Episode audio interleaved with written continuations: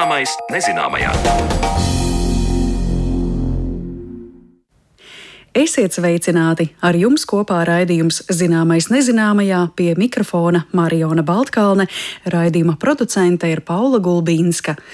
Tuvojas jaunais mācību gads, un daudzi no mums atminēsies, kā ar vieglu satraukumu pirms 1. septembra savulaik esam kārtojuši skolas somu un arī apģērbu, ar kuru doties uz svinīgo pasākumu.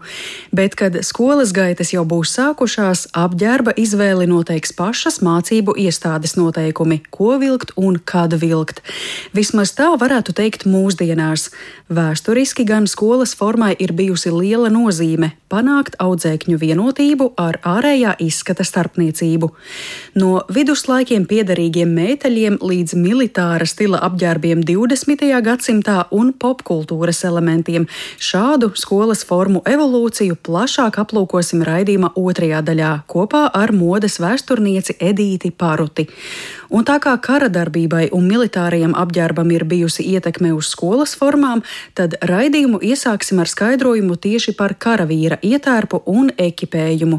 Piedāvājam noklausīties kolēģis Zanes Lāces Baltāksnes veidoto materiālu no mūsu arhīva par to, kas veicinājis izmaiņas karavīru tērpos un kur piedzīvoti vislielākie uzlabojumi. Par to visu stāstīs Zemes sardzes kapteinis Juris Ķiploks. Lielākais lēciens, manuprāt, tas ir šajos aizsardzības līdzekļos, individuālajos bruņu vestēs un visur. Tas ir tas, kur ir tehnoloģija un materiāli fantastiski attīstījušies. Tā teica Latvijas Republikas Zemesardzes zinātnes pētniecības un inovāciju ieviešanas centra vadītājs kapteinis Juris Čiploks.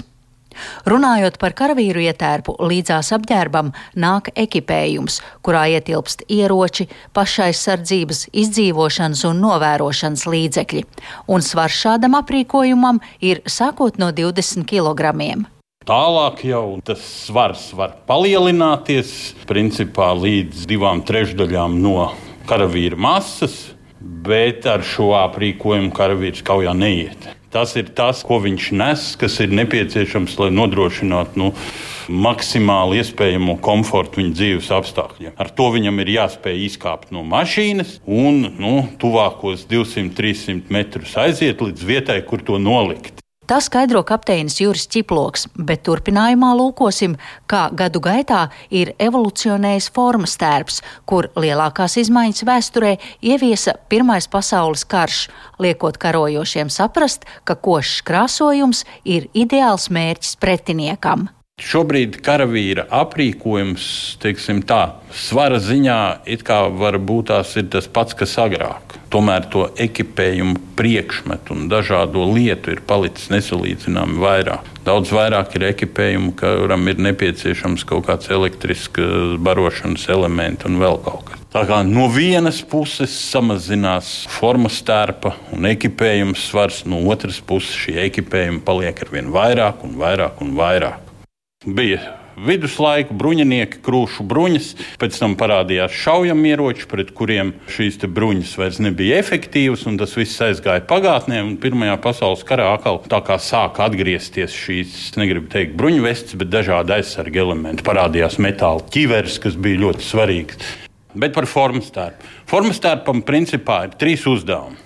Pirmais uzdevums ir karavīru aizsargāt, otrs karavīru identificēt, un trešais uzdevums - karavīru reprezentēt. Tātad formas starpā viņam ir jāizskatās cienīgi. Bet Pirmais pasaules karš principā to visu izmainīja. Līdz tam karavīru bija ļoti svarīgi identificēt kaujas laukā.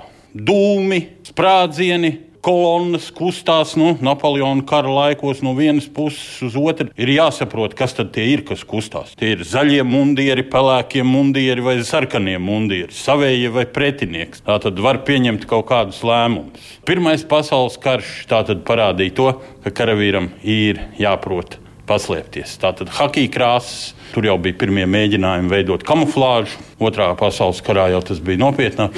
Tātad karavīru paslēpt apkārtējā vidē, tādā veidā nodrošināt viņam kaut kādu aizsardzību. Protams, tad sāka nākt papildus elementi, metāla ķiveres, kas aizsargāja no šrapneļiem. Tātad sprādziens virs galvas, mazs lodītis nobirst, un liels karavīru daudzums iegūst ievainojumus. Francūži, briti sāka lietot šīs ķiveres, vācieši, protams.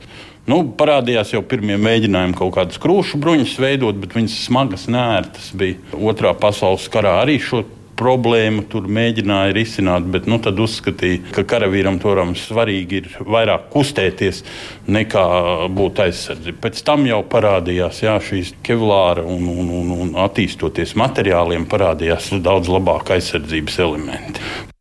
Skaidrojums.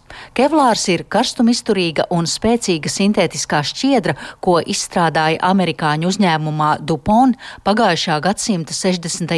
gados, un desmit gadus vēlāk šo materiālu jau sāka lietot bruņu vestu ražošanā. Tas ir ļoti stingrs pavadiens, kas principā aiztur objektu, kas kustās ar lielu ātrumu, lodi, šķēmu. Viņš uzņem triecienu un sadala šo triecienu pa lielāku virsmu.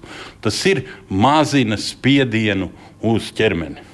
Un tālāk šis kevlārs uztver tās daļiņas, kas vai nu ir no šīs priekšējās bruņu plāksnes e, atdalījušās, vai nu pati lode, ja viņa ir kaut kādā veidā iesprūdusi vai šķēma šajā plāksnē, tātad neļauj iziet tam līdz ķermenim. Tas ir tas, kas ir šobrīd. Tagad nāk jau jauni materiāli Tā tad nu, nanotehnoloģijas, kompozīta materiāli ir tās sauktās šķidrās bruņas, kas ir pildītas ar tādu šelēju veidu masu, kas pie strauja trieciena sacietē momentāli un tādā veidā aizsargā.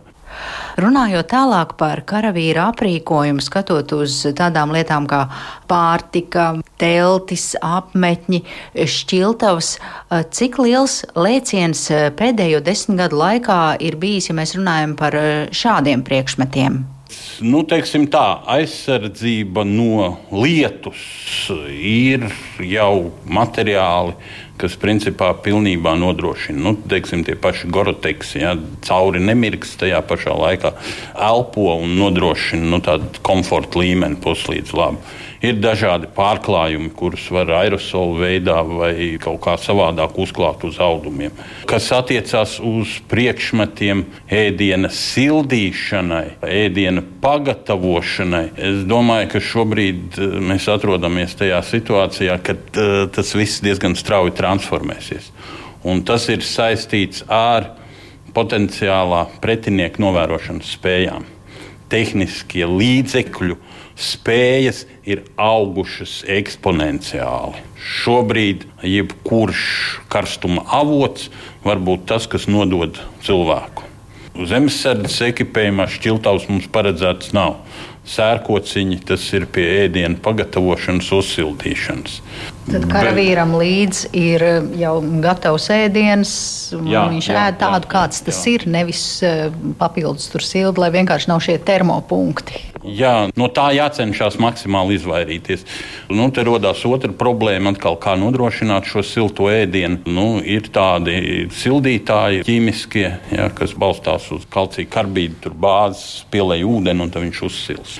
Bet šis jautājums, domāju, ka būs atklāts, jo termālā signatūra, termālais zīmējums šobrīd ir viens no tiem, ar ko var identificēt. Laikam tādas lietas kā ugunskura un sēdēšana tur vakarā pie ugunskura, ka tas viss jau aiziet pagātnē. Šie novērošanas līdzekļi ir tik tālu attīstījušies, ka nu, šī te termālā signatūra tiek atpazīta no liela attāluma.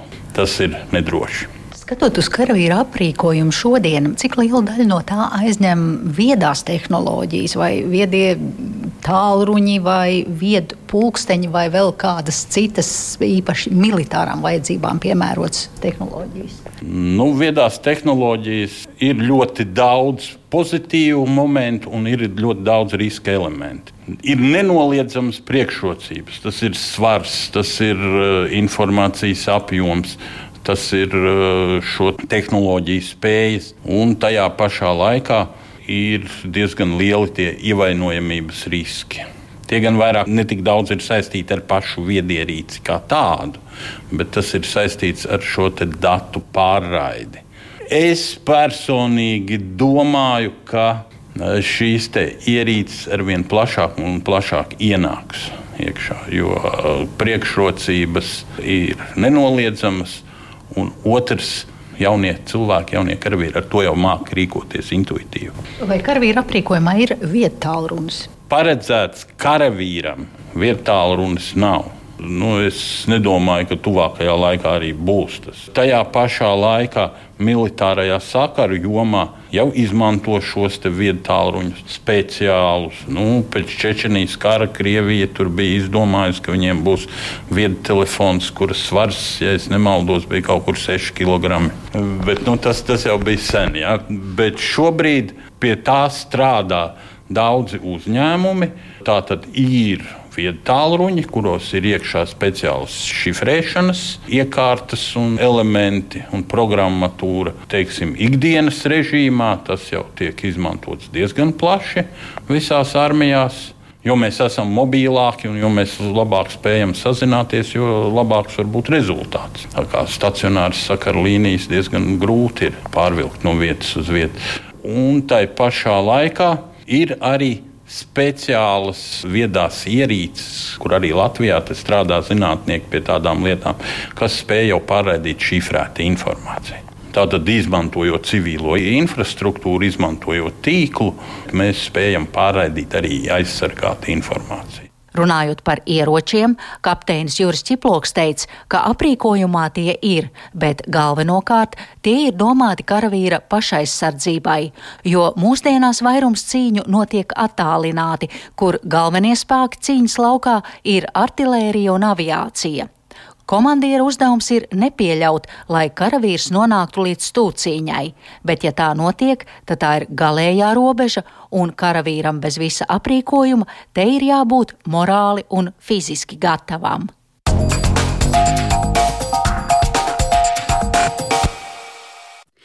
Šis bija mūsu arhīva stāsts par karavīru tērpu specifiku un līdzi ņemamo ekipējumu, ar ko iepazīstināja zemesardzes kapteinis Juris Čiploks. Bet kāda ir militāro elementu un skolas formu sasaiste? Šos un citus faktus atklāsim jau pēc brīža raidījuma turpinājumā. Skolu formas ir bijusi piederības, disciplīnas un statusa zīme neskaitāmās izglītības iestādēs. Kā skolas formas mainījušās un ietekmējušas arī augsto modi. Tuvojoties jaunajam mācību gadam, pārunāsim šo stāstu kopā ar mūsu viesņu studijā, un es sveicu modes vēsturnieci, mākslas doktori, Latvijas Mākslas akadēmijas docenti Edīti Paruti. Labdien! Labdien! Varētu teikt, eh, saistībā ar mūsu šīs dienas sarunu no līdz kurā gribētu aplūkot gan skolas formas vēsturē, gan mūsdienās. Ja mēs, piemēram, runātu par skolu vēsturi, par skolu kā izglītības iestāžu vēsturi, tad mēs noteikti atgrieztos ļoti tālā pagātnē, un pat ja skolas viduslaikos bija citādas nekā mūsdienās, tad tā sistēma jau tad veidojās. Edīt, kā ir ar skolas formām, ja mēs par tām runājam, vai mums arī ir jāatgriežas ļoti senā vēsturē, pirms daudziem gadsimtiem, manis pieminētajos viduslaikos, vai varbūt tas nemaz nav tik sen? Jā, nu, patiesībā mums arī viduslaikos būtu jāpakavējas, jo tie pirmsākumi ir skolas formām un uniformām, kas ir saistītas ar izglītības iestādēm, ar audzēkņiem, kas tajās eh, mācās, studē. Tas viss ir saistīts ar Angliju, ar 13. Eh, gadsimtu, ar pirmajām universitātēm, kur nu, īstenībā parādās tāds tā kā klostera ietērps, kas saistās jau ar pirmajām tam studējošo uniformētajām tādām ārējām čaulām. Un šeit būtu jāpiemina 1222. gads. Angļu garīdznieks Stevens Lenktons, kas arī bija Kenterberijas arhibīskaps, nu, viņam bija tāda ideja arī saviem baznīcas kalpiem īpašu formas tērpu izveidot, kas saucās kapa klauza. Tur faktiski ir tas latīniskais nosaukums pamatā, un tas ir tāds ļoti apjomīga piegriezuma mētelis. Nu, ja mēs to salīdzinām varbūt ar tādām mūsdienu analoģijām, nu, tas faktiski kļūst par tādu akadēmiskā tērpa paraugu, ko vēlāk izmanto un ko arī šajās senajās universitātēs kā tradīciju līdz pat šai dienai izmanto arī studējošie. Toreiz bija tas sākums. Un e, pēc tam jau kaut kā tā viss pieklusa līdz pat 16. gadsimtam. 16. gadsimtā parādījās šīs labdarības skolas, kurās arī nabadzīgo ģimeņu bērniem bija iespēja mācīties lasīt un rakstīt, un tur viņiem arī tika izsniegti formas tērpi. Līdz ar to šis klosteris, tad pirmās universitātes un tālāk jau skolas kļūst par tādu nu, formas tērpu vēstures vidi. Bet tas viss vēl ir diezgan nekonsekventi. Protams, ka tas, kas tika iedibināts senākos laikos, tas tiek izkopts vēlāk nu, sākoties 19. gadsimtam, jau parādās tādas izteiktākas, jau varbūt pat koledžu un skolu uniformas. Nu, un, protams, tas ir tas akadēmiskais tērps, arī, par kuru mēs varam runāt, jo tur ir tās slavenās cepurītes, ko daudzi varbūt zina. Tādu stūrainu augšdaļu, reizēm ir arī pušķītis, kā nu kurā mācību iestādē, un tās tika saistītas ar nimba simboliku. Tas bija viens no skaidrojumiem, ko arī izmantoju. Un, faktiski tur arī tas garīdzniecības darbs ir pamatā. Tas ir tas pušķītis, ko saņemot diplomu, cepurē no vienas puses pārliek uz otru pusi. Jā, nu, jā, jā, jā mm. tas ir tas. Nu, redz, no viduslaikiem mēs nekur neaizbēgām, turpat arī atgriezāmies. Anglija 13. gadsimts klostera formas, un te man uzreiz gribētos jautāt par skolas formu vai vispār izglītības iestāžu formu funkcijām. Ja mēs atkal domājam par šiem viduslaikiem, tad eh, man pirmā ideja nāk prātā cilvēki mācās, pagodina dievu, jo viduslaikos tas ir ārkārtīgi svarīgi. Baznīca regulē cilvēku dzīvi, un lūk, ar šādu asketisku apģērbu, vienkārši kaut kādu mētelīti, apmetnīti, mēs nepievēršam uzmanību tik daudz laicīgām lietām, tātad greznam apģērbam. Kāda bija šī vēlme tajos senajos laikos panākt, ka mums visiem ir vienāds apģērbs? Tiešām koncentrējamies darbām, lūkšanām, nevis uz kaut kādām greznībām. Tas lielā mērā ir saistīts ar, arī ar klosteru un arī šo mācību iestāžu iekšējo disciplīnu, nu, tādu varbūt uniformitātes ideju, lai visi būtu līdzvērtīgi, vienādi. Faktiski arī ar laiku attīstās šī ideja par izglītības iestādes identitāti, jo tur jau tās emblēmas, dažādas uzšuves, lentes, goda zīmes, to visu var piespraust, piestiprināt, un parādās šīs atšķirības, krāsas, kaut kādas nianses, lai gan kopumā visās rietumu civilizācijas izglītības iestādēs tomēr tas paraugs ir bijis viens no pirmsākumiem līdz šodienai. Un tad parādās šīs nianses, kas, ap citu, arī ir interesants moments, kad ir tās modes tendences, kas katram laikmetam ir savas, un tās mazliet iespiežās arī tajā akadēmiskajā tērpā un skolas formā. Tieši par to arī gribēju jautāt, kā skolas formas funkcija mainās vēlākos gadsimtos, ja sākumā vienā brīdī mēs runājam par kaut kādu to asketismu, par klostera ietekmi, tad eh, iespējams tālākie gadsimti gadsimti tālākie vēsturiskie notikumi citos gadsimtos jau maina gan to, kā forma izskatās, gan arī to, kādas funkcijas tā veids, vai parādās kaut kādas vēl citas skaidras iezīmes vēlākajā laika ritējumā. Jā, tāds interesants arī lūzuma posms ir 20. Eh, gadsimts. Jo 20. gadsimtā, it sevišķi starpkaru periodā, tad tas būtu pirmais pasaules karš, pēc tam otrais pasaules karš, skolēnu šajās formās ienāk Nevis jau garīdzniecības tērpa ietekme, kā tas bija agrāk, bet ienāk militārās uniformas ietekme. Tātad tur ir kaut kas tāds, kas vieno šos skolas bērnus ar kareiviem. Nu, viņi faktiski arī stājas ierindā, viņi pakļaujas izglītības iestādes iekšējiem noteikumiem. Nu, un tad arī tā zēnu forma ir tā, no kuras tālāk jau veidojās šie atvasinājumi meiteņu formās. Jo meiteņu formām arī ir tādas kakla saitītes parādījušās, tur tie blazeri. Nu, protams, bikses nevalkāja meitenes, meitenes valkāja jau tādus ieloču svārkus, kas, starp citu, kļuva arī par tādu interesantu nu, paraugu noteiktiem stilistiskiem virzieniem, kas attīstās jau vēlākā 20. gadsimta gaitā. Jā, pie šī mēs vēl noteikti atgriezīsimies par zēnu un meiteņu formām, bet vēl par formu funkcijām runājot, vai būtiski bija arī tas, kā forma pilda higiēnas funkcijas.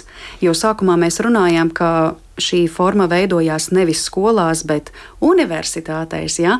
Bet tad, kad tā izveidojas arī maziem bērniem, tad droši vien tas ir svarīgi, ka bērns, piemēram, visu dienu neskraida apkārt vienā apģērbā, ka viņš nomaina to. Nu, arī lielākiem cilvēkiem, studentiem tas ir svarīgi. Nu, jā, tāda higiēniskā funkcija.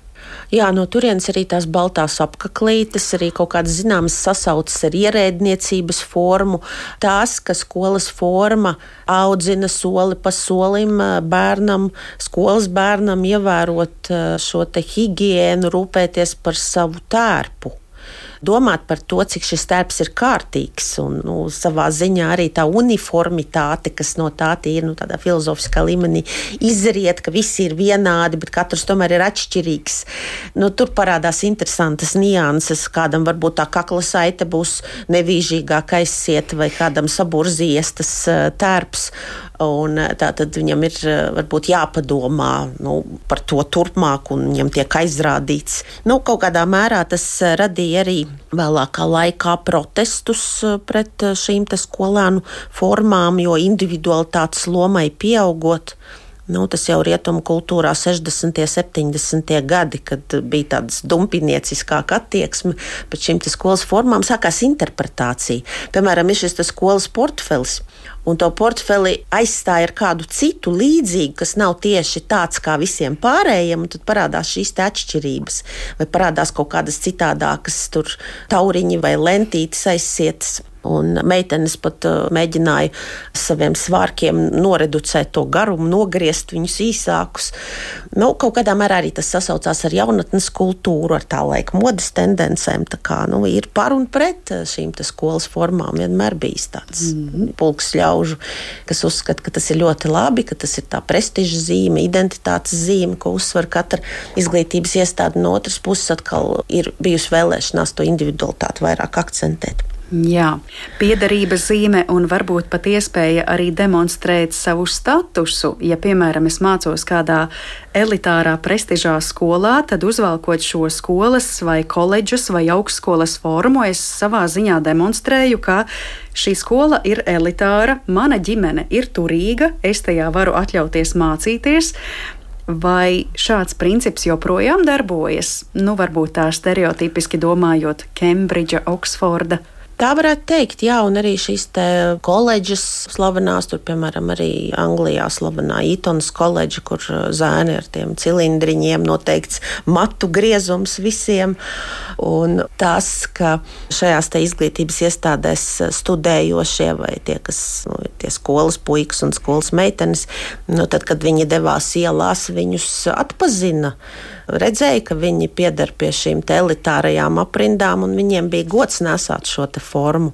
Bet te ir vēl viena nianses, kas arī sasaucās ar tādiem senākiem laikiem, piemēram, 16. gadsimtu un laiku līdz 16. gadsimtam, kad parādījās tās labdarības skolas, kad nabadzīgo ģimeņu bērniem tātad tika izsniegts tas apģērbs, un viņi mācījās lasīt un rakstīt. Tur bija vēl arī kalpotāja uniforma kā paraugs. Tātad tā ir mazā kalpone, kas mācās, piemēram, šādā skolā, un viņai ir priekšauts, kas zināmā mērā varbūt vedina domāt, ka nu, tas bērns ir kā tāds kalps šajā izglītības iestādē, un viņš ir spiests ievērot tos noteikumus. Nu, un droši vien forma bija arī skolotājiem, universitātes pasniedzējiem. Jā, nu, tur vēl tāds interesants moments ir ar to guvernanti, nu, kaut vai to maiskolotāju, kurai ir melna zīda satīna kleita ar baltu apaklīti vai tamborētu apaklīti, kas veidojās arī pašā Anglijas vidē, kur tie izglītības nu, standarti un tērpšanās normas ir attīstījušās. Nu, to kleitu pazina arī citvietē Eiropā, dēvēja par angļu stila kleitu, un tas guvernantes tā ļoti pieticīgi bija tērpušās, bet nu, reizē arī viņu tērps atgādināja uniformu. Jā, un arī daudzās skolās skolotājiem bija vienāds unificēts apģērbs. Mm -hmm. Edīte, mēs pirmie tādu lielu laika lēcienu izdarījām no viduslaikiem, nonācām 20. gadsimtā, kad minējāt, bija tāds liels lūzuma punkts un karš un kara darbība ietekmēja skolas formu izskatu. Tātad eh, tas militārais raksturs, es samanu zināmas līdzības, jo, ja skolā bija vēlme panākt, ka visi ir vienādi, nu, armijā arī visiem ir jābūt vienādiem. Bet eh, vēlreiz par zēnu un meiteņu formu atšķirību atšķirībām meitenēm sākotnēji jau vispār nemaz nebija iespējas iegūt izglītību, un tajā brīdī, kad tas ir iespējams, vai šīs zēnu un meiteņu formas momentā ir atšķirīgas. Bikses tikai vēlāk bija meitenēm iespējamas. Tad sanāk, ka tā atšķirība, ka mēs nošķiram zēnu un meiteņu formas, parādās automātiski, līdz ko meitenes ienāk izglītības sistēmā. Jā, tas uzreiz parādās, un tur ir arī tas jautājums par uniformu pretiniekiem, jo tiek runāts arī par to, ka nu, šīs meitenes tomēr svārkos, puikas biksēs, un ka tur ir arī atšķirības uzsvērtas, ka tas ir dzimuma atšķirības. Un īstenībā nu, tā attālināšanās no tās armijas uniformas ir uh, bijusi diezgan izteikta. Bet nu, tas atkal sekmēja citu stilistisku virzienu attīstību kas saistās jau ar 2000 gadiem laiku, pēc 2000. gada, kad ir šis aktuālais no koledžas uniformām atvasinātais prepīs stils kur ir tās blēzerjakas un emblēmas, rūtotie īsie svārciņi ar ielocēm platformas kurpes ar siksniņām. Nu, dažādi tādi interesanti elementi, kurus pārtvēra arī rietumu modes dizaineri. Nu, ļoti izteikti šis stils ir iesakņojies modes namā Prada, arī Senlorānam ir līdzīga pieeja. Nu, tātad tas viss tiek it kā veicināts un nonāk modes skatēs uz šiem podijiem. Bet droši vien pirms tādiem minisvārkiem, kas ir 20. gadsimta tendence, agrākos gadsimtos, jau tad, kad meitenes varēja mācīties skolās, tad nēsāja kādus garus, lindrakus, garus svārkus? Uh, jā, tas atkal ir tas jautājums par to klostera uniformu, kas tomēr līdz 20. gadsimtam, ja mēs paraugamies uz tām izglītības iestādēm, nu, bija arī meiteņu skolas, bija gimnāzijas, kurās tās meitenes mācījās. Un, uh, tur arī tie klostera tērpi kaut kādā mērā tā unifikācija tomēr parādās izteiktāk. Nu, tas 20. gadsimts, jā, nu, tur skolas puikām bikses, meitenēm svārki un dažādas tur nianses, kas varbūt atšķir šos tērpus, bet reizē ir arī vienoti. Tur ir tā krāsa arī, kas vieno. Jo nu, sākotnēji arī parādījās šīs zilās formas, kas bija ļoti populāras arī Anglijā. Un uh, dažviet parādās arī tas rūsganais tonis, kaut kas no hakija, kaut kas no arī tā paša kareivju uniformas. Jā, tad eh, sanāk, ka veids, kā mums panākt, ka visi ir nu, maksimāli līdzīgi, cik vien līdzīgi var būt, gan zēni, gan meitenes, tad ir vai nu izvēloties šo klostera formu ar gariem metālīšiem, gariem svārkiem, vai arī aizejot pārlecot daudzus gadsimtus uz priekšu, uz 20. gadsimtu, kad mēs runājam par apģērbu, kas līdzinās kaut kur jau tādam militāra rakstura apģērbam, tad mēs esam maksimāli līdzīgi. Pārējā laikā, kad uh, sievietēm parādās šie minisvārki, protams, tas atkal ir 20. gadsimts, it kā no vienas puses mēs gribam visi būt uh, vienādi, bet no otras puses tas tomēr nav iespējams. Un minisvārku gadījumā es domāju, tas taču arī ir tik nepraktiski, vai ne? Es pat iedomājos skolas laikus, tu uzvelc tādus īsus vārciņus, tad tev ir plakāts plānas zeķu bikses, tu apsēdies uz kaut kāda veca koka krēsla, vienmēr domā, vai tev nesaplīsīs. Tu, tas praktiskums arī mm. pazūd ar tiem īsajiem svārkiem. Nu jā, bet nu, modes untumiem nācās sekot. Un, to rietumu pasaulē izmantoja. Arī tur tādas interesantas detaļas arī parādās ar jūrnieku stila apakļu risinājumiem, kad ir tā kā daudz no jūrnieku uniformas atvasināta tāda tērpšanās forma. Tur jau arī tas zili baltais parādās. Šur tur arī rūtainie svārciņi, jā, nu, tāds interesants elements, kurus arī, starp citu, visvairāk centās saīsināt. Mm. Bet uh, sākotnēji arī bija tādas um, diezgan krāsainas zeķes meitenēm. Nu, tas nāk no no tiem pašiem viduslaikiem un vēlākiem jau tur renesanses laikiem, kad bija tajās klosteru skolās tādas oranžas zeķes, pat reizēm kombinētas ar tiem zilajiem garajiem mēteļiem. Tā kā nu, rietumu pasauli diezgan ir eksperimentējusi arī ar tādām nu, blīvākām un krasainākām zeķēm, meitenēm, kuras nu, varbūt arī bija diezgan praktisks risinājums pie tiem minisvārkiem. Nu, to, ko varbūt arī padomju periodā neizjūta sabiedrība tik lielā mērā, jo nu, bija diezgan strikti tie tērpi. Un, Tad, kad sākās tās pārmaiņas, tad uh, parādījās tā iespēja visiem tērpties nu, tāpat kā ikdienā un nākt uz skolu.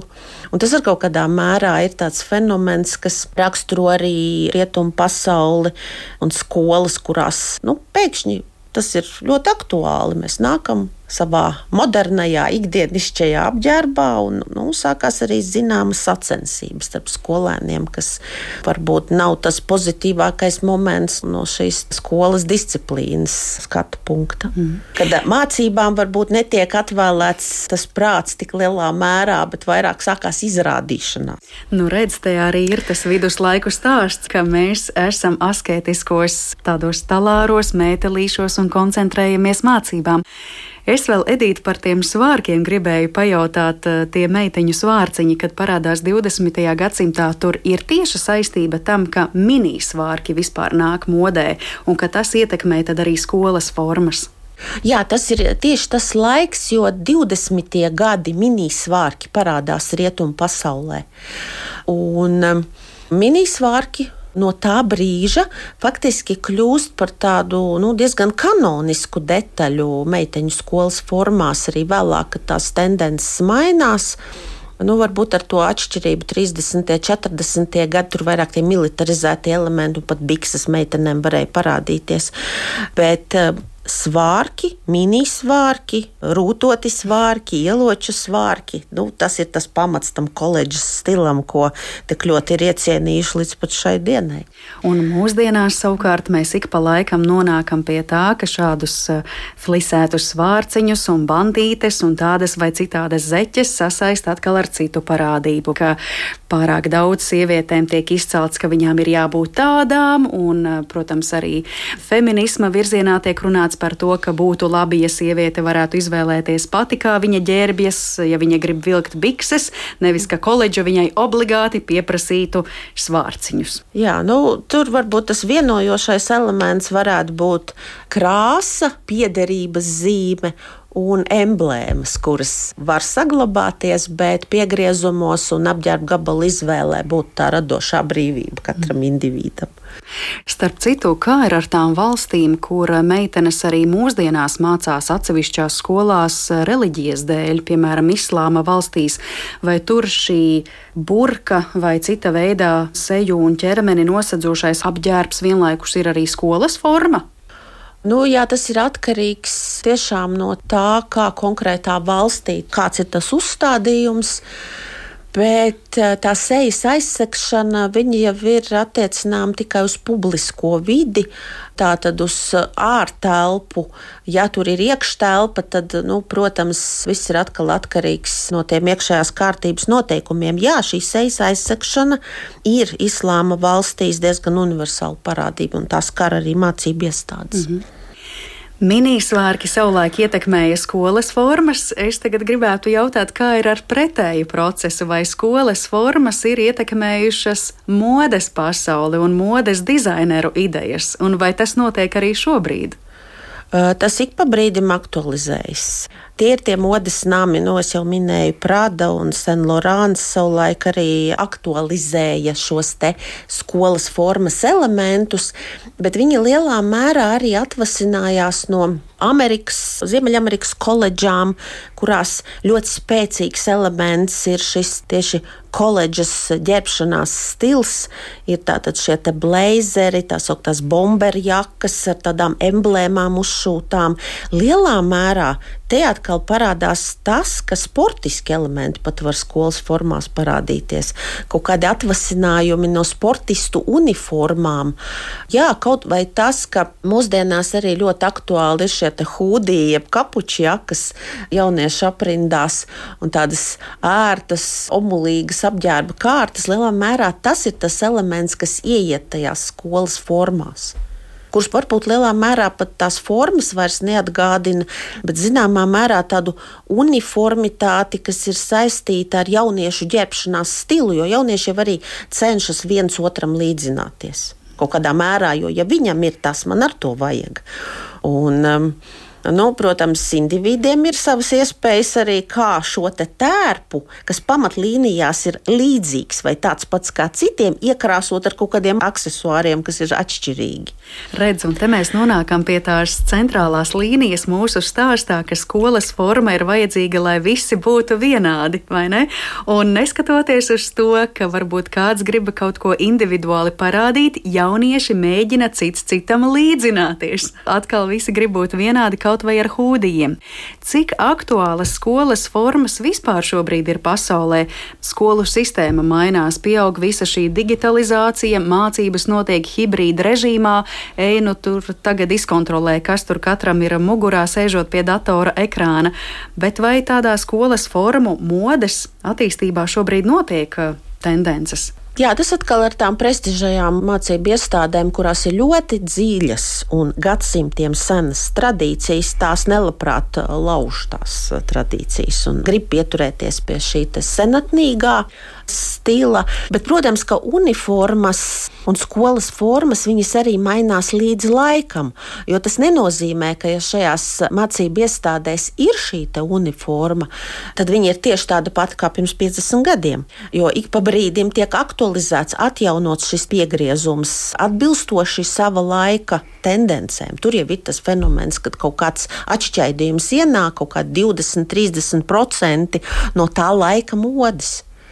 Un eh, joprojām tiek diskutēts, vai tas ir nepieciešams, vai varbūt lielāku brīvību piešķirt eh, mācību iestāžu audzēkņiem, bet tomēr eh, ik pa brīdim to virsroku tomēr ņem arī tās prestižas zīmes, tās emblēmas, kuras gribās saglabāt. Mm. Nu, tā tad Ītona koledža joprojām rūpēsies par to, lai viņiem savas formas ir. Un es pieļauju, ka varbūt to mēģina panākt arī kādas izglītības iestādes Latvijā. Skaidrs, ka mēs gājām cauri padomju periodam, un tad visiem skolas formas bija jānēsā. Kā šī situācija ir veidojusies pēc Latvijas neatkarības atgūšanas, vai vispār pēdējās desmitgadēs ir daudz vērojams, ka skolas Latvijā, koledžas varbūt, šķiet, universitātēs tas nav tik raksturīgi, mēģinātu ieviest skolas formas? Nu, ir atsevišķi piemēri, kur šīs uniformas ir. Bet es neteiktu, ka mēs šos atšķirīgos skolniekus redzētu ielās salīdzinājumā ar Rītona koledžas studentiem. Jā, mēs ja? neredzam viņus, ka mēs varētu nu, tur tā atpazīt vai kā citādi. Nu, vēl jau pastāv arī šī ietērpšanās pašā mācību iestādē, kad atnāk uz skolu savā apģērbā, savā mājas vai ielas apģērbā, un tad nomaina to formu, un tā iekšējā komunikācija notiek caur šo uniformitāti. Nu, jā, tas ir diezgan sarežģīts jautājums. Visu laiku ir bijušas diskusijas arī modes pasaulē par šo vienādību, par uniformitāti, kurai cenšas sekot vairākums un reizēm padara to ielu stilu arī tādu garlaicīgu, vienveidīgu, gluži kā uniformās tas ir.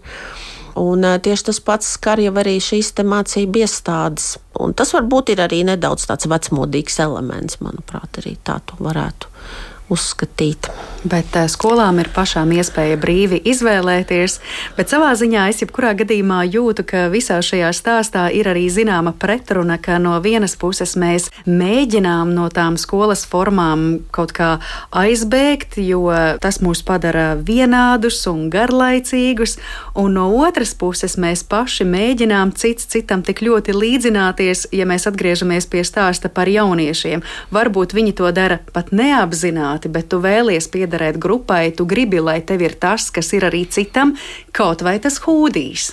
Tā ka turpat vien esam, un vēl es iedomājos, ka droši vien skolas formas kļuva ļoti populāras pēc filmas Harijs Poters, kurā visi ģērbās mantijās.